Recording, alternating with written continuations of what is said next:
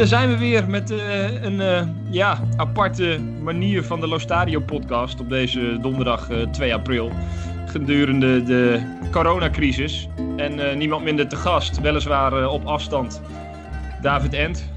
David, goedemiddag. Goedemiddag. Laten we bij het begin beginnen. Hoe gaat het met je? mijn antwoord op deze vraag is vrijwel altijd, als het van toepassing is, het meeste gaat goed. Het meeste gaat goed. En dan doe ik met name op de gezondheid. Gaat dat ook uh, het meeste goed? De gezondheid is uh, helemaal in orde, ja. Hopelijk ook, uh, blijft het zo. Ja, inderdaad. Want het zijn gekke, spannende tijden. Um, ook in je omgeving vooralsnog goede berichten? Ja, in de, in de heel dichte kring om me heen wel. Maar ik heb wel wat ja, kennissen die ook in problemen zitten, ja. Helaas. Ja. Ja, dat is het uh, verschrikkelijke van, de, van deze tijd, uh, helaas. Ja, ja dat stelt een heleboel in, uh, in een ander perspectief ook, hè? Ja, want opeens doet voetbal er niet meer zoveel toe, hè? Zo is het ook, ja. En dat klinkt gek voor voetbalgekken zoals wij zijn. Dat je dat toch op een, eigenlijk in de, in de fietsenstalling even plaatst. En die fiets op slot doet. Want je, je kan het gewoon niet doen. En er zijn echt veel belangrijke dingen natuurlijk in het leven dan het spelletje voetbal. Op welk niveau het dan ook gespeeld wordt. En ik beluister heel veel klachten hè, en, uh, van de mensen die zeggen: ja, we missen het en het is zo jammer dat we geen kampioen worden of uh, allerlei andere dingen. Ja, dat is echt van secundair belang op dit ogenblik. Ja, want ik, uh, het zou je niet verbazen dat ik je even aanschiet over, over Italië. Want ja, daar is immers deze podcast voor. Maar ook daar, Calcio staat even op plek 3-4, hè? Ja, absoluut ja. En daar zijn de mensen misschien nog wel meer van doordrongen dan hier. Omdat hier de situatie niet zo nijpend is als in Italië. Die zitten echt in een crisis. Die hebben grote problemen, zeker in Noord-Italië. Ik heb daar veel vrienden wonen. Ik heb daar uh, ook regelmatig contact mee, omdat ik natuurlijk ja, uh, belangstellend ben en, uh, en bezorgd ook over hoe het met ze gaat. En daar is de situatie niet te vergelijken met zoals hier. Hier heb je nog een grote mate van vrijheid. En je hebt minder je directe aanraking met het uh, leed wat daar allemaal plaatsvindt. Dus uh, in Italië zijn ze echt wel van doordrongen, wacht even, voetbal uh, secundair, tertiair. Ja, want het woord voetbal valt eigenlijk niet in die gesprekken. Nou ja, het is ook een middel om, om toch weer even wat vrolijkheid erin te krijgen. De meeste vrienden van mij zijn natuurlijk voetbal gerelateerd. Dus je ontkomt er niet aan dat je toch een beetje praat over voetbal. Maar altijd met een zekere reserve van ja, hoe uh, relatief dat eigenlijk allemaal is. Maar voetbal is ook een middel natuurlijk. Al is het via het gesproken woord, het gelezen woord. Of uh, het terugzien van beelden. Het bezig zijn met voetbal helpt je natuurlijk ook om een beetje afleiding te hebben in barre tijden. En zo wil ik het ook het liefst te benutten. Ja, want uh, ik kan me voorstellen dat deze periode voor veel mensen een moment is om uh, ja, een goed boek erbij te pakken. Uh, ik, heb jou ook gevraagd, ik heb jou ook gevraagd van, nou, kan je de luisteraars wat, wat boekentips geven? Heb je wat ja. uit de kast kunnen, kunnen trekken? Nou, ik zal je vertellen, een drie kwartier voordat de uitzending begon, werd er aan de deur gemorreld. En dat is het teken dat er, dat er post is. En die, die postbode legt wat neer en rent dan natuurlijk weer het tuinpad af. En weet je wat, die me, wat, die, wat ik kreeg? Ik kreeg het uh, boek van, ik uh, hoop dat het goed te zien is, Massimo Allegri. Zeker. En uh, daar was ik zeer in geïnteresseerd. omdat ik deze man zijdelings een beetje ken. en toch een grote bewondering heb voor het, ja, het voetbalwerk wat hij heeft gedaan. zeker bij Milan en, en bij Juventus.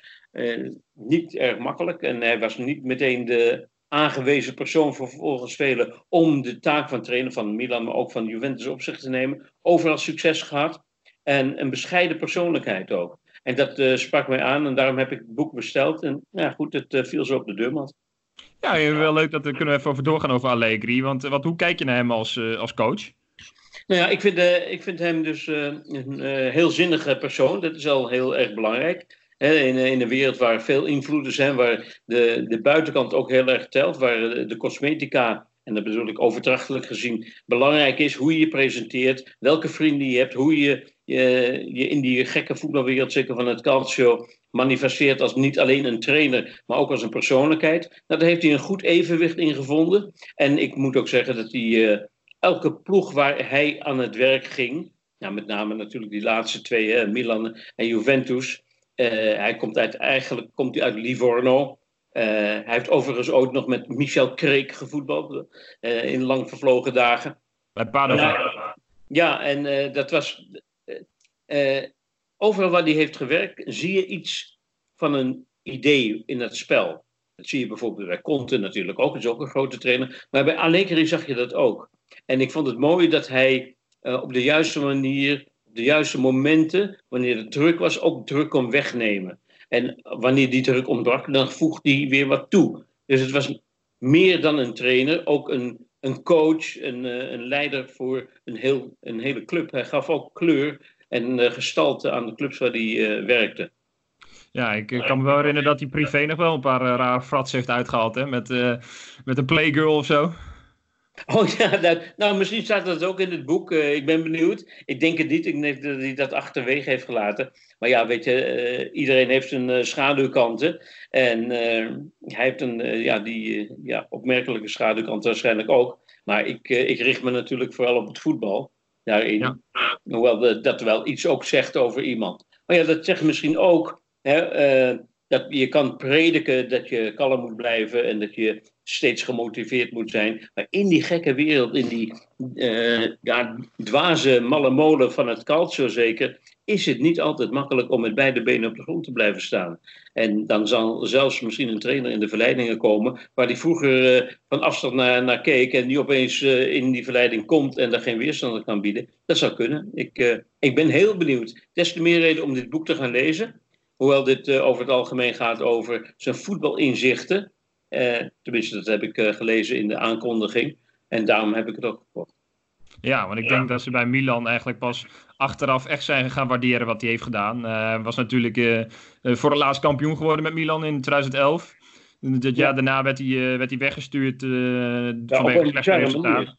Hij werd op een bizarre manier weggestuurd eigenlijk. dat was eigenlijk in de periode dat, uh, dat Barbara Berlusconi, de dochter van Silvio Berlusconi, dacht dat ze aan de macht zou kunnen komen bij Milan. Uh, Galliani, altijd de rechterhand van Berlusconi, een beetje naar de kroon wilde steken. En van vader ook de ruimte kreeg om daar iets mee te doen. En zij had het uh, idee om Clarence Seedorf aan te stellen als trainer. En eh, ja, dat, dat wrong een beetje. Galliani was er tegen, maar die kon ook niet echt tegen Berlusconi zijn. Dat was een hele merkwaardige situatie. Tekent het misschien wel voor het verval wat uh, Milan heeft doorgemaakt in de afgelopen jaren.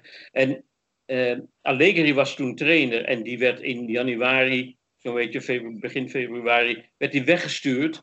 En eigenlijk sloeg dat nergens op. Maar het was meer, denk ik, vanuit Barbara Berlusconi om Cedor snel op die plaats te krijgen ja, dat is uh, toen ook gebeurd. Is ook niet een succes geworden. Maar ook daaruit bleek dat Allegri onderschat werd.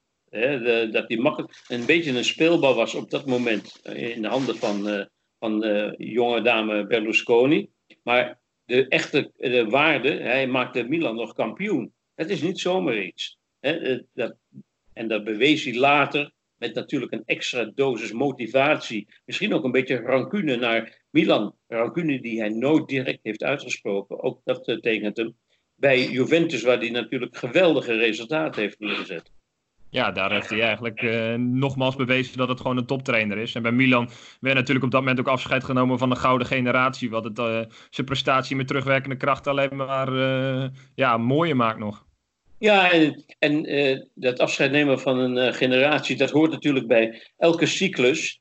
Hè, en dan gaat het erom dat je niet te veel verval hebt. En bij Milan heeft, is natuurlijk gebleken dat het verval gigantisch was. Elke speler van middelmatig niveau werd binnengehaald als een nieuwe koning. Terwijl die, ja, uh, als je het zou kunnen afmeten naar de echte kwaliteit, niet in de schaduw kon staan van de, van de grote, grote spelers die Milan heeft gehad. Nee, Allegri, zijn naam is wel eens gevallen bij eh, bijvoorbeeld Arsenal in het, eh, in het buitenland. Denk je dat hij daar ook uh, kansen slagen heeft? Oh, zeker. Absoluut. Ik denk dat hij intelligent genoeg is om, om daar ook zijn ding te kunnen doen. En, ja, hij is niet de, zeg maar de klassieke Italiaanse trainer die vanuit een, een, een gedachte werkt. Hij heeft meerdere mogelijkheden in zijn spel. Ik denk dat hij zich goed zou kunnen aanpassen, ook naar Engelse omstandigheden. Daar ben ik van overtuigd. En ik dacht, misschien maakt David van der Nood wel een deugd en is hij zelf aan het schrijven geslagen in deze periode. Nou, je slaat de plank niet ver mis hoor. Ik heb natuurlijk een, eh, heel pak aan aantekeningen gemaakt in alle, alle voetbalreizen die ik in de afgelopen 40 jaar heb gemaakt. Ja, die liggen een beetje door elkaar en hier vind ik een aantekening, daar een krabbeltje, daar een uitgeschreven stuk. En ik ben wel een beetje bezig om dat te ordenen en sommige verhalen gestalte te geven.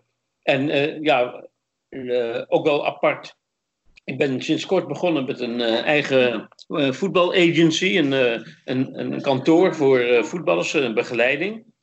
Atlanta heet dat. En voor dat bedrijf, dat eigenlijk heel jong is nog, hè, met twee partners, twee investeerders, ben ik daarmee begonnen. Ehm, zijn we in eind januari, zo'n beetje begin februari, daarmee begonnen. Op dit ogenblik is het natuurlijk een beetje onhold, zoals alles in voetballand en in de wereld onhold is is allemaal niet zo heel erg, want er zijn dus belangrijke dingen. Maar eh, ik, ik ga een boekje maken uh, voor dat uh, bureau. Een soort giveaway, een, een, relatiegeschenk zou je kunnen zeggen. Voor relaties, het woord zegt het al. En voor jongens die bij ons spelen. Een boekje dat, is, een, dat beschrijft de 40 mooiste shirts die ik in de afgelopen jaren heb veroverd of gekregen. Bemachtigd in elk geval met een verhaal. Want elk shirt heeft een eigen verhaal. Een shirt is natuurlijk het ultieme ding van voetbal. Ja, daar, daar, heeft, uh, daar is in gezweet, het zijn allemaal gedragen shirts. Uh, er is iets in gebeurd. En dat beschrijf ik dan in het boekje naast het prachtige. Het moet mooi, een mooie layout zijn natuurlijk. Hè? Naast een, uh, een foto van, van dat shirt. Dus daarom al die gedachten, al die spinsels in mijn hoofd, die ga ik niet omzetten in daden. En kan je eens eens zo'n uh, shirt als tipje van de sluier uh, beschrijven? Nou, ik, zal, ja, ik, zal er, ik heb er een paar naast me liggen, want ik was natuurlijk enigszins voorbereid op, uh, op shirts. Ehm, ik zal jou een plezier doen. Ja, heel, heel fijn.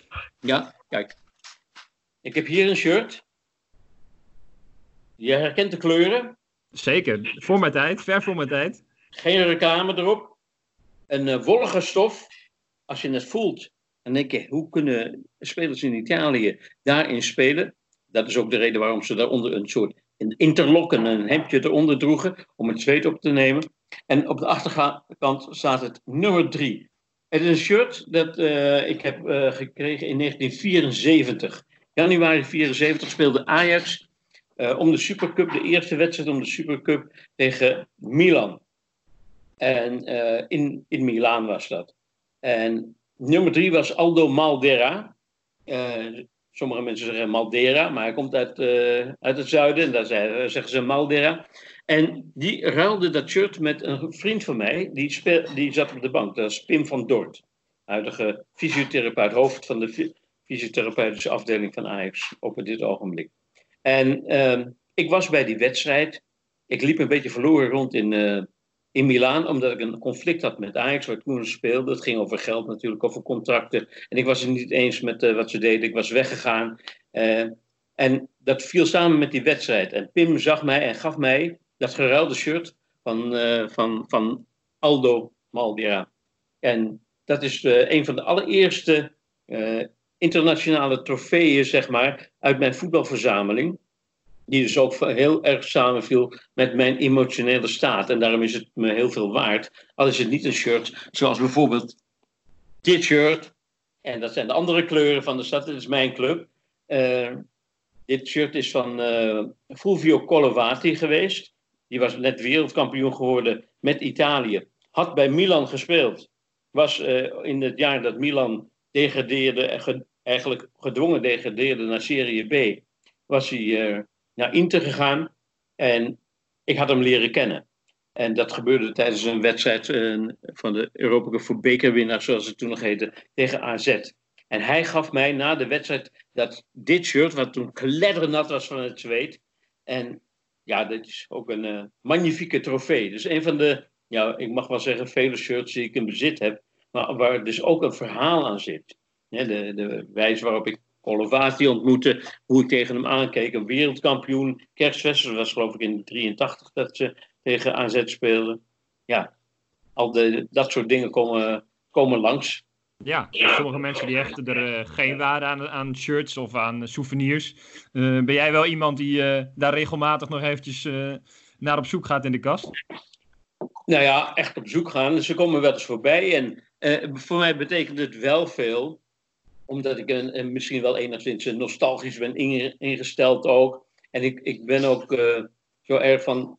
Ja, als het echt een gedragen shirt is, dan heeft het een, een diepe waarde. Omdat hier bloed, zweet en tranen is geplenkt. Hè, in een sport waar ik van hou. Waar ik uh, gepassioneerd mee om ben gegaan. En nog steeds mee omga. Dus het heeft altijd een, een diepere waarde. Dus ik ik heb ook een paar voetbalschoenen van, van, van, van een aantal spelers. Ja, ook dat is aanraken van de materie, van de magie die, die sport, en in ons geval uh, voetbal, naar voren brengt. En zeker het calcio, uh, dat, uh, dat is voor ons natuurlijk ook een heel bijzonder ding. Ik zal je nog één shirt laten zien met permissie. Ja, zeker. Want dat, dat verbindt de boel een beetje. En de verbindende factor is natuurlijk het azuur van de Azzurri. Dit is een, uh, ook een oud shirt. Dit komt uit uh, 1981. Dit is uh, uit de wedstrijd Denemarken-Italië. Uh, Denemarken versloeg Italië toen in Idrettspark in Kopenhagen met de 3-1. En de, bij Denemarken speelde de man die dit shirt droeg, nummer 8, dat was Frank Arnesen. Frank was en is nog steeds een goede vriend van mij. En die ruilde zijn shirt met dat van Tardelli. En Tardelli was een echte held. Ik, later werd hij nog een grotere held, want een jaar later ja. werd Italië wereldkampioen. En hij had dat shirt uh, geruild met uh, Tardelli. En hij wist van mijn grote passie voor Italië. Ik had me, voor de wedstrijd had ik hem gesproken over Tardelli. Ik zeg, ja, dat is een magnifieke speler. niet te houden, je gaat het moeilijk krijgen. Denemarken won met 3-1. Geweldig feest in Kopenhagen. En hij gaf mij dat shirt. Dus dat is ook ook zo'n shirt met een mooi verhaal. Hoe kijk jij naar de shirts van tegenwoordig? Ja, met. Uh, uh, ja, je kan niet ontsnappen aan de tijdgeest. Hè? En uh, natuurlijk, reclame staat erop. En het gaat er maar om hoe je daarmee mee omgaat. de vormgeving van een shirt, dat is natuurlijk heel belangrijk. Dat, dat, bepaalt ook de uitstraling van je shirt. En dat kan, het hangt vaak van details af. Van nuances, eh, hoe je met zo'n shirt omgaat. Het is het visitekaartje van je club. Je moet meteen zien, oh, dat is van die club. En uh, ja, je ziet mensen ook durven, je ziet clubs durven. Juventus durft opeens met eh, zeg maar het Feyenoord-achtige Juventus-shirt. Ja, daar kan je over denken hoe je wilt. Het is even een probeersel. Ik hou natuurlijk, omdat ik traditionalist ben, hou ik van die hele dunne uh, wit-zwarte strepen. Dat, dat is Juventus. Maar er wordt van alles geprobeerd. Het wordt ook steeds meer natuurlijk een commercieel item. En dat heeft zijn, zijn schaduwkant. Maar je ontkomt er niet aan, daar moet je ook mee leven. Maar de, de oude shirts, hè, de, zeg maar de uh, reclameloze tricots, daar, daar raak je met het meeste mee. Ja, want ik zag ook op, uh, op Twitter een shirt die je had gekregen tijdens Juventus Ajax in uh, eh, 78. Dat was ook een mooie. Dat is ook een mooi. Ik heb hem hier niet bij de hand liggen. Nee, dat maakt niet uit. Maar dat, dat was een shirt van, van Roberto Bonansegna. Een wedstrijd, ik dacht in 77 gespeeld. Uh, Ajax, Juventus tegen Ajax. En ik was uh, Bonansegna. dat was een spits, een Italiaanse spits. die kende ik van de tijd dat hij bij Inter speelde. Hij was echt een grootheid bij Inter. Werd toen op een gegeven ogenblik met een ruil Anastasi naar Inter en Bonacena naar Juventus kwam hij in Turijn terecht. Maar we, we kenden elkaar dus een beetje van gezicht. En ik was bij die wedstrijd. Uh, Juventus won die wedstrijd na penalties uh, benut te hebben, de penalty-serie. Dus grote euforie.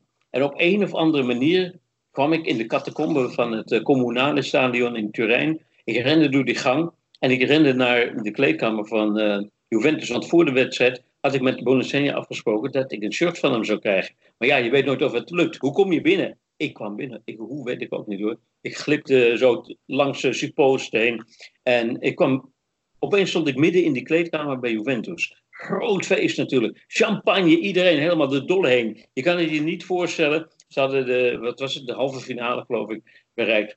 En uh, de, in de hoek zie ik uh, eh, Bonensenia staan. En ik eh, was natuurlijk ja, en echt een, een, ja, ik, ik zat een kat in een vreemd pakhuis. En een pakhuis vol met feest. En, en ziet mij. Hij zegt, eh, ragazzo Hollandese, ragazzo Hollandese, vieni qui, vieni qui, kom hier, kom hier. En hij loopt zo naar een grote mand vol met shirts. En hij zoekt en zoekt en zoekt en pakt zijn shirt eruit. En hij geeft het aan me. Hier, dit is jouw souvenir. Hij had niet gespeeld die wedstrijd. Dat was wel een beetje jammer. Hè, want hij eh, was bankzitter op dat moment. Maar ik had toch wel echt het hele pure eh, Juventus shirt in handen. En ook een, een dikke, zware stof. Met uh, opgestikte Scudetto. Het wapenschild voor de kampioen van Italië. En, en, en een ster ook prachtig gouddraad opgestikt. Ja, dit was ook een geweldige re reliek voor die wedstrijd. Dus ja, met mijn club Ajax had ik verloren. En toch was ik heel erg gelukkig omdat ik een prachtig aandenken aan die wedstrijd had gekregen. Ja, mooi. Toch een klein beetje gewonnen. Een beetje wel, ja. ja. Hey, was het toen ook iets makkelijker om dergelijke praktijken uit te halen dan tegenwoordig? Nu staat er natuurlijk op elke hoek een steward. Ja, dit, deze actie, deze inbraak in, in communale, die is nu absoluut onmogelijk. Want je moet pasjes laten zien, je moet langs vier, vier bewakers komen om uiteindelijk in het hart van zo'n club te komen. Dus dat was al heel bijzonder dat ik daar stond. Wat eraan vast had nog, dat de man die de penalties had gestopt, dat was Dino Zoff. Nou, Dino Nationale, grote, grote held natuurlijk. Nog niet wereldkampioen, want we spreken over 77. En die zag mij ook staan. En in zijn euforie riep hij me ook bij zich. Hij zei, kom hier, kom hier. Nou, het is niet zo dat ik het, dat ik het shirt van Zof ook nog kreeg. Maar hij pakt zo uit een kastje, pakt hij een, uh, doet hij open en hij haalt er een boekje uit. En dat was een biografie van hemzelf. hij zei, hoe heet je, hoe heet je? Dus ik zeg hoe heet. Hij schrijft het zo op aan, aan David met, met sympathie en al die dingen. En geeft me dat boekje. Dus ik had twee relieken tegelijk eh, op dat moment. Maar dit, wat ik nu vertel, is vandaag de dag echt gods onmogelijk. Ja, en we begonnen met uh, nou ja, dat er wel een wens is of uh, er wordt op dit moment een poging gedaan om dat soort aantekeningen die nog ergens op een stapel liggen op papier te zetten. Gaat dit tot een uh, nieuw boek leiden? Nou ja, dat hangt er een beetje vanaf hoe lang corona ze het volhoudt. En ja, je moet toch iets doen en je moet afleiding vinden en je kan je kan zitten kniezen. Uh, je, uh, je, kan uh, treurig zijn. je kan negatief tegen, tegen dingen aankijken. En ik hou ervan om me toch vanuit dat negatieve ook iets positiefs te doen. En dat zal in ja, het schrijven van een boekje is natuurlijk ook een, een, een, ja, eigenlijk een gift dat je die tijd er nu voor hebt.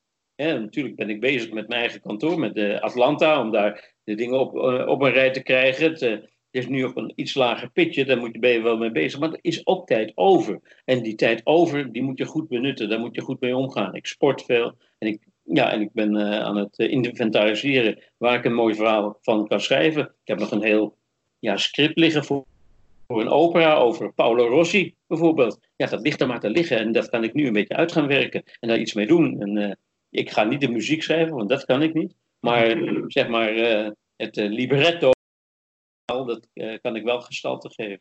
Ja, heb je nog zo'n Italiaanse anekdote op de plank liggen? ik heb er nog wel een paar uh, van die anekdotes op de, op de plank liggen. Maar Paolo Rossi is natuurlijk ook een, een, een prachtige held, die eigenlijk een soort anti-held is. alleen die naam al, Rossi, dat is uh, zo'n beetje Jansen in, in Nederland. Ja, daar heb je er veel van. En dat, dat zorgt voor een zekere mate van veronderstelde anonimiteit. En hij, Paolo Rossi, wordt de grote man van Italië na 82 met, uh, met zijn doelpuntenreeks in de laatste fase van het WK. Ja, daar zit een verhaal achter. Als, je, als je kijkt hoe die is begonnen, eh, begonnen in Praat, ook door een jongen met zijn 16e naar Juventus, drie operaties aan de knie, afgeschreven. En gaat dan naar La Rosa Vicenza, eh, wordt daar de grote held door topscorer te worden van Italië. Heeft een hele merkwaardige verkoop naar Perugia. En dan komt hij uiteindelijk in het schandaal terecht, het voetbalschandaal in de jaren tachtig. En dan wordt hij geschorst om dan terug te komen op het podium van het WK en Italië te helpen aan de wereldtitel. Ja, dat is, dat is een verhaal. Dat is een opera waard. Weet je, dat gaat verder dan een mooi verhaal, een mooi boek of wat dan ook. Daar, moet je iets meer van doen. En als je dat ondersteunt hè, door, door een koor wat, uh, wat, uh, wat vertelt wat er gebeurt op de achtergrond, door de muziek en, en, en uh, zeg maar het, het theatrale van Italië. Tegen Italië. De overdrijving, de kracht van overdrijving, dat hoort er ook bij. En dat zal nu negatief zijn, want ik heb erg veel te doen met, met Italië op dit ogenblik. Hebben het al heel moeilijk. Ja, als je kijkt naar de influx van vreemdelingen, van mensen die vluchtelingen uit, uit, uh, uit landen waar het moeilijk is, waar Italië heel hard voor de kiezer krijgt. De meeste uh, vluchtelingen komen ook daar terecht. Dat is al een probleem. En nu nog getroffen door corona, ja, dan, uh, dan heb je het wel erg moeilijk. Ja, ze blijft even niks bespaard. Maar uh, ik denk dat het voor uh, de luisteraars leuk is om uh, ja, vooral die Italiaanse anekdotes nog wat op te rakelen. Want daar zijn toch de mensen vooral in geïnteresseerd. En gisteren, we hadden het even over de nationale ploeg van Italië. Sacchi was gisterjarig. Ehm, hoe kijk je naar ja. hem? Sorry, wat zei je? Hoe kijk je naar hem? Oh, ik, heb, uh, ik ben heel goed met, uh, met Saki. Ik heb hem gisteren ook een, uh, een berichtje gestuurd, gefeliciteerd. En ik krijg keurig ook een berichtje terug en met de vraag hoe het is. Ik hoop dat het goed gaat en al die zaken. En het is natuurlijk een, markante persoonlijkheid die uit het niets een, een trainer van mondiale statuur werd door bij Milan aan de gang te gaan. Ik, ook gisteren, en dat is echt toeval hoor, geloof me, had ik een telefoongesprek met Filippo Galli. En daar kwam ook Arrigo Sacchi natuurlijk naar voren. Uh, Filippo Galli, ex-speler van, uh, van Milan, 14 jaar daar gespeeld. Veel tegenslag gehad, maar toch een grote speler. En toen had hij het ook over, over Sacchi, want hij was er al voordat Sacchi kwam. Die heeft toch echt heel veel veranderd. Die heeft een, grote ommekeer teweeggebracht in het denken. En dat is misschien nog belangrijker dan de tactische vondsten van pressing, van diagonale pressing, van nou ja, alle, alle trucs die trainers allemaal bedenken. Maar hij bracht, en daar had hij natuurlijk hulp van met name Gullit uh, bij, dat het denken van uh, een Italiaanse ploeg werd veranderd. Want hij, en dat vertelde Galli mooi, leerde ons dat je ook naar een uitwedstrijd kan gaan met het idee, we gaan daar winnen.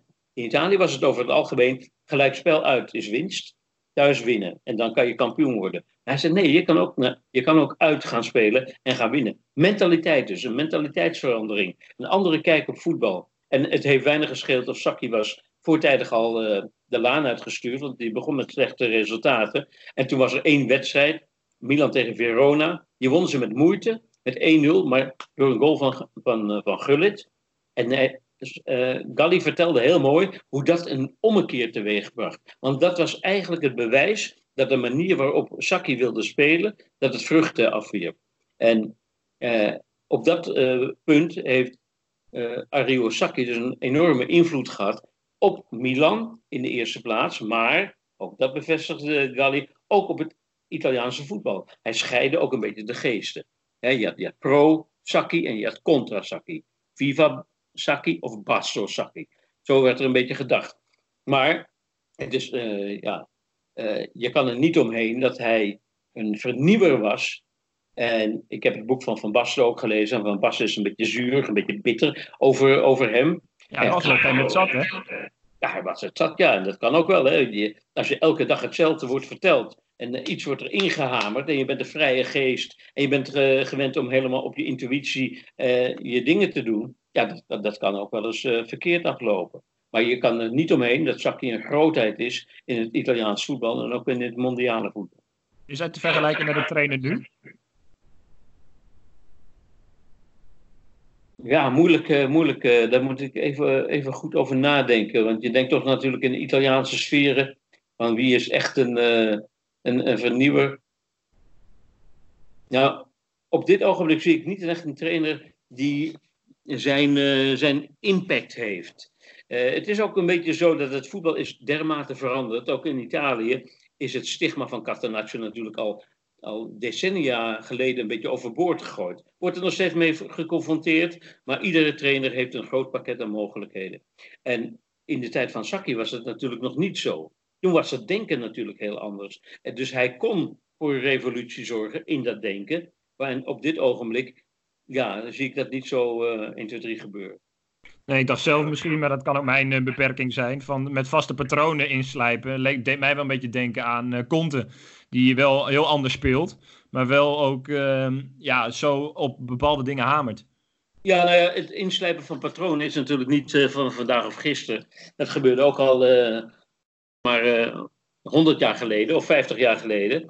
Alleen wanneer het compleet veranderd is dan, dan systemen die normaal, gewijs uh, gehanteerd worden, dan kan je spreken van een revolutie. En dat was dus bij Sacchi het geval. En, bij, en Conte die borduurt natuurlijk voort op een, op een internationaal idee, een, een, internationale manier van voetballen. Met, met, met die pressing, wat per club kan verschillen. En dat hangt van de intensiteit af. Waar doe je het? Ook, ook vaak met Sacchi over gesproken. Hè, want het was wel aardig. Sacchi was een, op een gegeven ogenblik in Nederland bij de KNVB.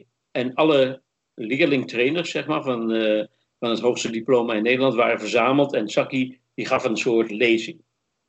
En die vertelde over het systeem. En de man is een beetje zelf ingenomen ook. Hè? Hey, hij is al trots op zichzelf. En hij vertelde dus uh, hoe dat ging. En Van Hanegem zat toen ook in die klas. En toen zei hij, ja, maar is het, is het voetbal daardoor mooier? Want uh, Saki vertelde over pressingen. De tegenstander dwingen om fouten te maken. Maar Saki begreep eigenlijk niet wat, wat, wat Hanegem bedoelde. Want hij was heel erg blij met zijn systemen. Hij zegt, dit is vernieuwend. Maar wat Hanegem bedoelde, is het mooier als schouwspel? Is voetbal mooier door een tegenstander te dwingen fouten te maken en, en dus niet tot, een eigen spel te komen? En dat was eigenlijk een dieper filosofische vraag van, uh, van Hanegem, waar Saki niet zo 1, 2, 3 antwoord op had. Dat is wel grappig. je kan het veranderen, maar wordt het voetbal mooi? Is het leuker als kijkspel? Is het interessant misschien om te zien wat er gebeurt. Maar is het mooi? Krijgen spelers nog steeds de gelegenheid om een specifieke individuele kwaliteiten tentoon te spreiden? Ja, dat wordt natuurlijk door atletisch vermogen, het hogere tempo, de, de grotere conditie. Eh, voetballers worden steeds meer atleten, wordt ook een beetje ondermijnd. Aan de andere kant, de moeilijkheidsfactor wordt groter. En wanneer je dan nog kan uitblinken, dan ben je ook echt een ster. Ja, is het mooier of effectiever? Dat is een beetje de vraag. Ja, ja goed. Het mooiste is natuurlijk wanneer effectiviteit aan schoonheid wordt gekoppeld. En dat kan, hè, maar het vraagt veel. Uh, maar uh, ja, op dit ogenblik zie ik ook bij Conte zie ik wel dat, dat spel zich ontwikkelen. En nu weer bij Inter, uh, bepaalde dingen. Maar ik kan nog niet echt heel erg warm worden van het spel. ik vind het fascinerend, maar ja, ik, ik, ik hou ervan wanneer er toch een paar parels uh, tussen lopen die het verschil maken, die misschien ontsnappen aan uh, strategie, aan tactiek met name. Uh, strategie is weer wat anders, want dat is een manier dat je wil aanvallen of verdedigen. Maar je tactiek, dat maakt ook wel eens wat kapot in voetbal. En dat neemt de schoonheid weg. En ik hou wel van de spelers die de schoonheid nog in stand houden. Ja, van het, het Milan van Sacchi weet je wel warm. Nou ja, dat, ik, bedoel, ik ben interista. Dus ik keek met uh, jaloezie naar de schoonheid van dat spel. En ik weet, ik moest een keer een verhaal maken. Dat was in 88, 89 zo'n beetje. Over Milan. Voor, weet ik, uh, ja, de Volkskrant had me gevraagd daar een stuk van te maken. En toen noemde ik avant-garde. Het was echt toen zag. Met geweldige spelers, met mooie persoonlijkheden. je had Baresi achterin, was een geweldige persoonlijkheid. Je had Ancelotti, je had Rijkaard, je had natuurlijk Gullit van Basten. Uh, je had prachtige spelers. Vierdis uh, speelde er nog ja, grote namen. Donadoni, ja, ik kan wel doorgaan, weet je. Milan had een geweldige ploeg met, met niet alleen goede spelers, maar ook jongens met een bepaalde persoonlijkheid. En dat maakt ook verschil. Wanneer je zulke karakters in je ploeg hebt, die dan toch één één eenheid vormen. Dat, uh, ja, dat is knap om dat voor elkaar te krijgen. En dat was heel mooi om naar te kijken ook. Ik vond het uh, prachtig voetbal. Ik heb geweldige wedstrijden van Milan gezien, maar altijd met grote jaloezie. Omdat Inter altijd een beetje als een soort roestige fietser achteraan kwam. En had ook wel een resultaten. En natuurlijk hield ik van die club en dat is wat anders. Maar Milan speelde echt prachtig voetbal. En als je dan spreekt met, met Galli, gaat het dan ook over dit Milan?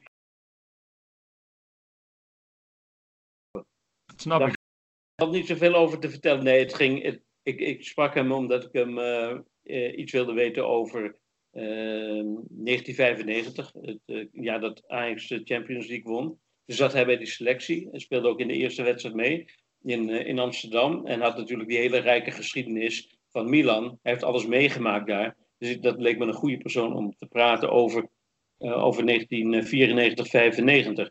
En we hebben het Milan van nu hebben we een beetje laten rusten. En ik moet je eerlijk zeggen, Sander, ik ben altijd heel erg geïnteresseerd in, in calcio, in de, in de Serie A. En dit seizoen heb ik in Milan maar één keer zien spelen. Ja, en dat uh, was, al, was al meer dan genoeg. ja, helaas wel. En het is ook jammer, weet je. Want het kan een rivaal zijn, uh, de tegenstander van, van mijn club.